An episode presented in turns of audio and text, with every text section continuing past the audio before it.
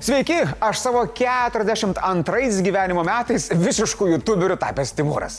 Šiandien buvo šilta ir saulėta rudens diena, dviračių atminiau į Laisvės TV, na, žvalgiausi, kaip žmonės mėgaujasi tobulų rudeniu. Tada pagalvojau, ar jiems dar rūpi, jog jau 500 šiam septinta Rusijos karo prieš Ukrainą diena. O tada pamačiau, kaip moteris su šuniuku ten žaidžia, bet pradėsiu nuo mislės. Raudonas gaidys, juoda skiauterė. Sevastopolyje. Kas? Putinas? Ne, Dovilė, ne Putinas. Nors jis tikrai gaidys.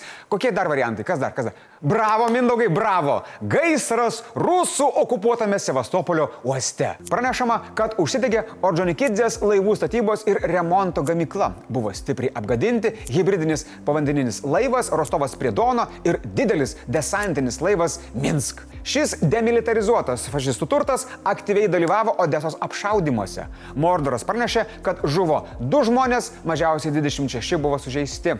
Dar teroristai skundėsi, kad Ukraina į gamyklą paleido 10 sparnuotojų raketų ir 3 jūrinius dronus į rusų laivus Juodojoje jūroje.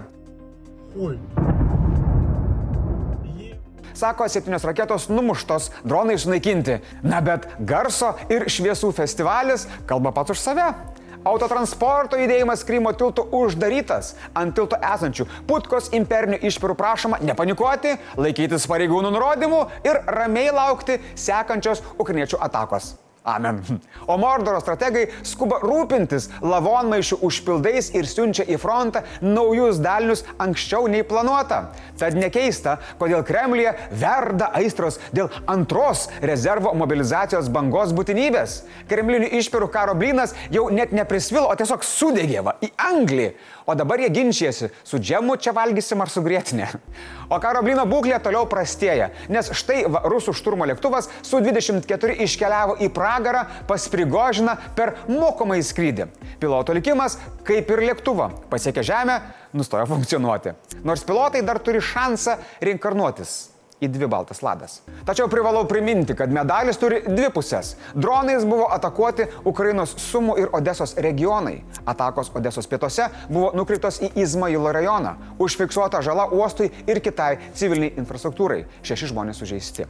Na, o kad būtų mažiau liūdna, paskambinkite 1482 ir po to laikykime visi čiūrikus, laukdami, kada pagaliau Joe Bidenas apsispręs dėl atakams ilgojo nuotolio taktinių raketų perdavimo Ukrainai. Šaltiniai sako, kad tikimybė, jog tai įvyks, dabar yra daug didesnė nei anksčiau. Na, geriau anksčiau negu vėliau. O šiaip jau gerokai vėlų. Atsimena, keistuolių teatras dainuodavo dainą apie mėlyną autobusiuką. Na, o Šiaurės Korejos vaikiukai, matyt, dainuoja apie žalę traukinuką. Čiuku žalės traukinukas, o jame sotus kimukas. Mmm. Pivinas valgyti raginantį. Kim Jong-uną pasitiko orkestras ir pilki, bet korumpuoti rusų biurokratai. Skirtingai nei tikėtasi, jo kelionė pasibaigė apie tūkstantį kilometrų nuo Vladivostoko. Tai matyt, Šiaurės Korejos navigacija absoliučiai grybauja. Tai va, du diktatoriai į specialų lagaminą kakojantis Putinas ir anot oficialios Šiaurės Korejos informacijos nei kakoti, nei įsisioti poreikio neturintis Kim Jong-unas po ilgo laiko akis į akį susitiko pasikalbėti. Kaip Rusijai pratesti savo imperinę pralaimėjimo agoniją Ukrainoje? Kosmodrome Vastočnai, prieš susėsdami prie stalo, puponautai šitie apžiūrėjo raketų Sojuz 2 paleidimo kompleksą ir statomą Angara paleidimo kompleksą. Ten kosmodrome ir įvyko dvišalės darybos. Kimas sakė, kad susitikimas su prezidentu Putinu taps laipteliu į naują, aukštą dvišalių ryšių lygį ir išreiškė besąlygišką paramą šventoje kovoje. Be to pridūrė, kad jų Rusijai suteikti ginklai nugalabytų daug ukrainiečių. Na, šitas padugnė sako žinodamas, kad bus žudomi civiliai gyventojai. Tuo tarpu bunkerinis bezdalius pavapėjo ir apie darybų turinį. Sakė, kad kosmodromas pasirinktas neatsitiktinai. Tipo Maskva planuoja padėti Šiaurės Korejai vykdyti palidovinės programas. Manoma, kad diktatoriai pasenusią sovietinio tipo amuniciją išsikeis į naujesnę Rusijos karinę techniką, tvirtą valiutą arba kviečius. Kas yra ta nauja karinė Rusijos technika, aš neįsivaizduoju, neklauskit, bet ne veltui pasakos Kimui seniai patinka. Tiesa, Rusija stipri atrodo tik savo pačiai.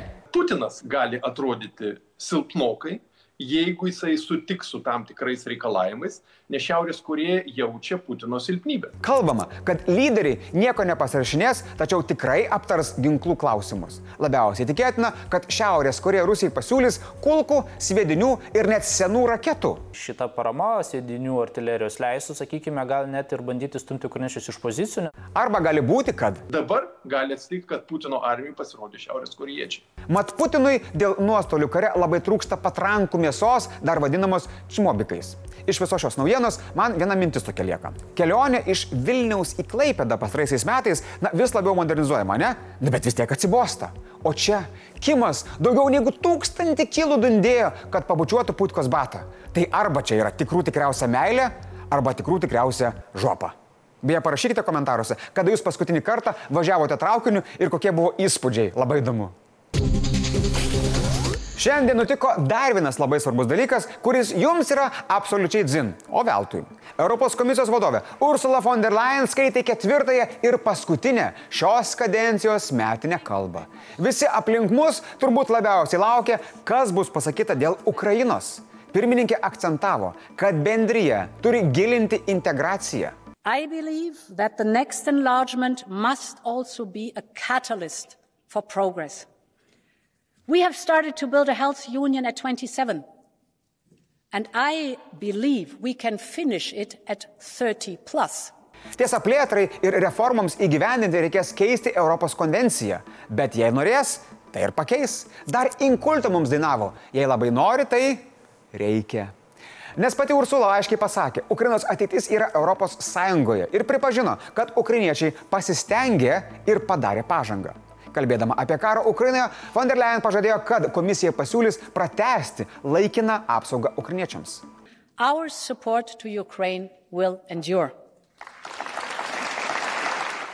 Kalboje kliuvo ir raudonajam drakonui. Pirmininkė atkreipė dėmesį, kad viskas yra ok su konkurencija, tačiau ji privalo būti sąžininga.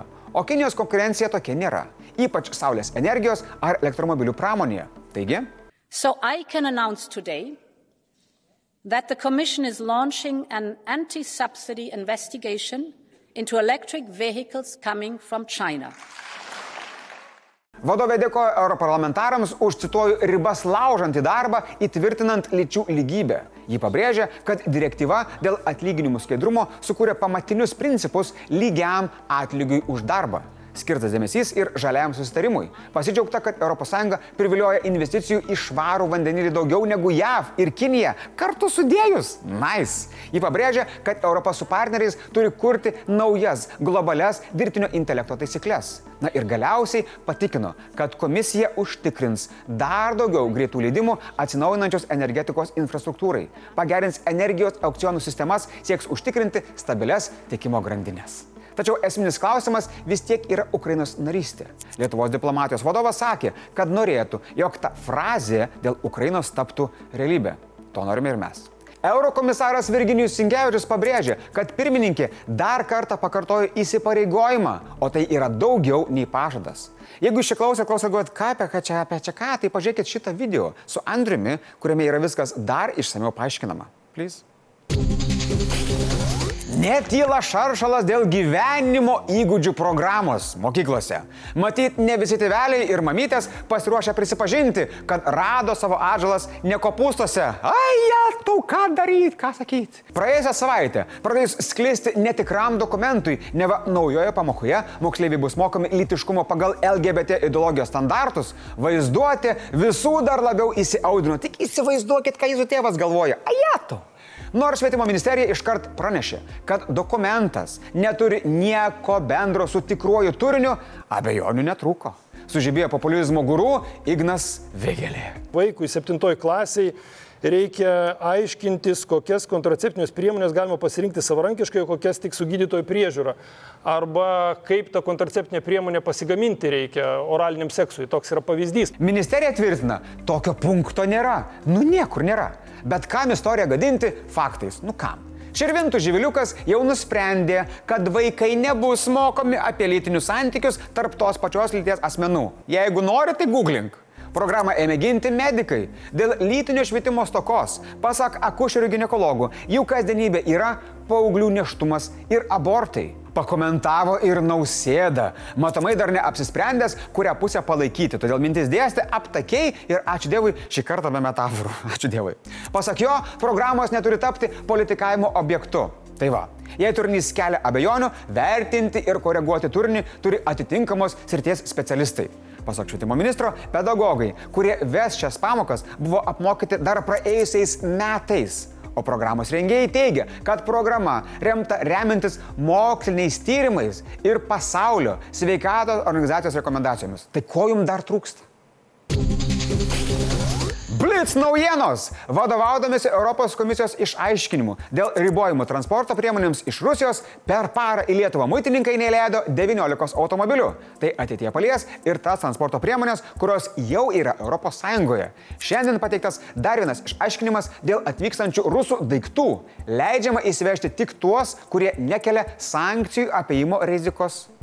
Prisijungti prie pedagogų streiko penktadienį ketina 228 ugdymo įstaigos. Kol kas žinoma, kad Vilniuje streikos 33, Klaipėdoje KEM 4, Alitoje 17, Panevežyje 20, Kaune 8 švietimo įstaigos. Jo metu mokytojai galės užsimti veiklą, kurią patys nusimatė. O, kavutė.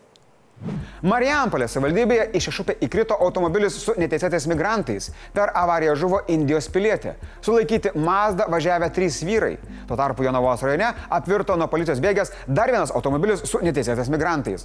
Sužalotas mašiną vairavęs Šilankos pilietis ir kartu su juo važiavę neteisėti migrantai. Draugai, primenu, kad šiandien komentaruose laukiame jūsų, o galbūt dviejų netgi atsakymų. Iš kokio miesto mus žiūrit, labai įdomu, kur esate šiuo metu. Taip pat labai labai norėčiau sužinoti jūsų paskutinės kelionės traukiniu įspūdžius. Patiko, nepatiko, gal šiaip kokį nors keistą įdomų žmogų sutikot, aprašykit, labai labai įdomu. O kol rašysit, primenu, kad truputį kantrybės ir geri dalykai tikrai ateis.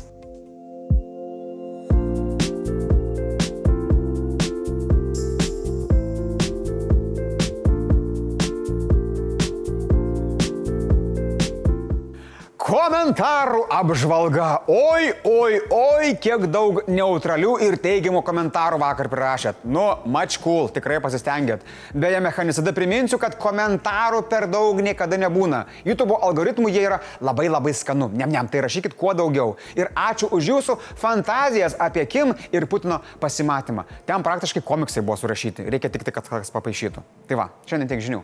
Iki.